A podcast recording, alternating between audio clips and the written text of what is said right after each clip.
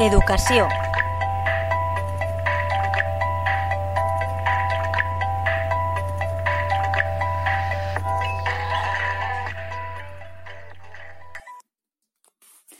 Buenas tardes amigos de la Tegua Radio. Eh, mi hija termina este año sexto de primaria y ya en septiembre pasa al instituto.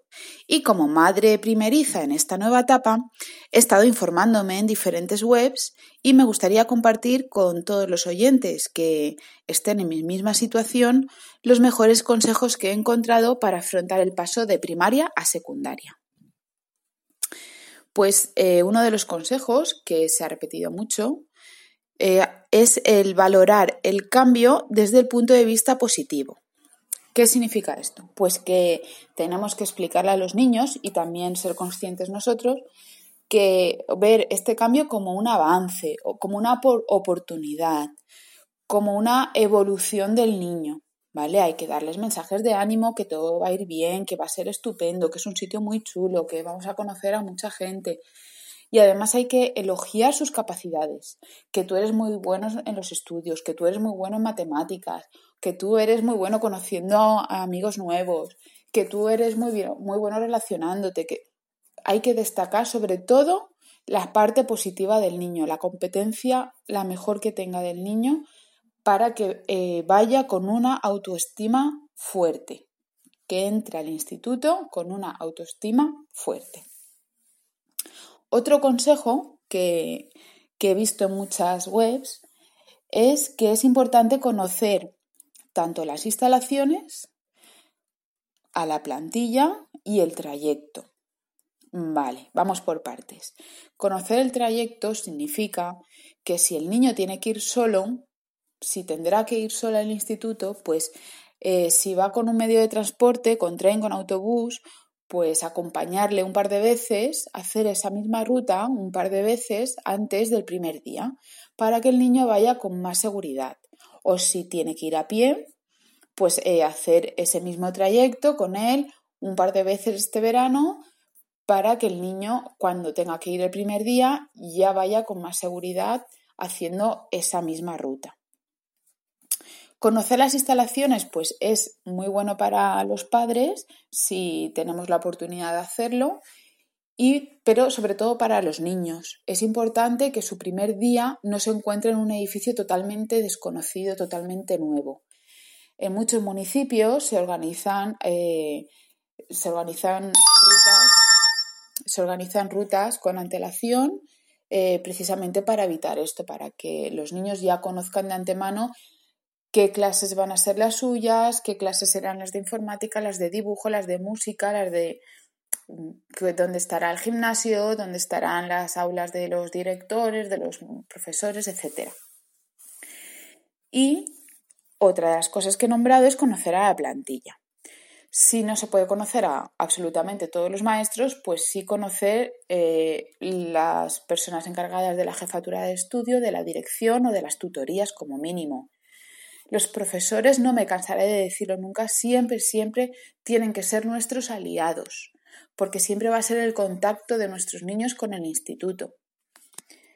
Y una vez empiece el curso, no debemos de perder el contacto con el centro, con esos profesores, a través de apps, a través de email o incluso con visitas personales, pero siempre, siempre hay que mantener el contacto con el centro. Y otro de los consejos que he encontrado, que me ha llamado mucho la atención, pero tiene toda la razón, es la salud general. Como padres somos los responsables de la alimentación, de la buena alimentación de los niños, del buen descanso, de respetar sus horas del sueño, de que practiquen deporte y sobre todo de la higiene personal. Podríamos pensar que no tiene nada que ver con el paso de primaria a secundaria, pero sí, el niño tiene que sentirse fuerte, bien alimentado, cómodo, eh, limpio y sobre todo descansado para afrontar bien ese cambio y sobre todo para afrontar bien el primer curso completo. Luego, eh, esto lo, he visto, pero creo que es una de las eh, de los consejos que yo daría personalmente es conocer experiencias de otras personas, bien que ya hayan superado todos los años de instituto o bien que continúen en él. Hablar con los niños y con estas, con estas personas que ya han pasado por esta situación les va les va a hacer que se sientan más seguros de que si esta persona puede, yo también voy a poder. Esta persona, este chico esta chica le puede contar anécdotas que les han pasado con profesores, le pueden dar consejos. Incluso si permanecen en el centro, pues siempre pueden ser una persona de referencia a quien acudir en algún momento de tensión, depresión, de angustia. Pues eh, contar con algún amigo que esté allí y que sea mayor que ellos. Bien, y una vez empieza el nuevo curso, pues eh, un montón de, sitios web que he visitado, que, a los que he recurrido, pues nos aconsejan, una vez empieza el curso, planificar el tiempo con horarios, ¿vale? Tanto desde que se levantan, a qué hora te tienes que levantar, que tienes que levantarte con antelación para desayunar, a qué hora vas a venir, que tienes que mantener un tiempo de descanso después de comer, Después planificar el tiempo de estudio para que no se agobien, incluso para que eh, se sientan controlados, para mantener el autocontrol, para que no sientan que tienen horas perdidas cuando realmente tienen un montón de cosas que hacer. El, el planificar el tiempo con horarios creo que es fundamental. Y si no sabemos hacerlo, hay que pedir ayuda.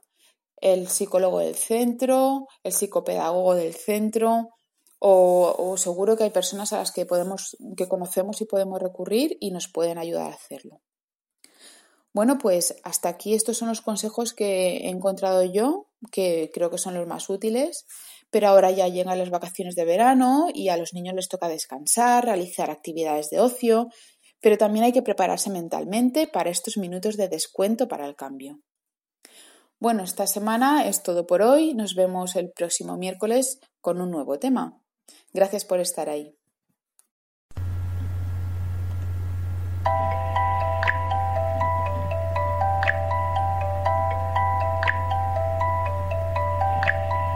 Educación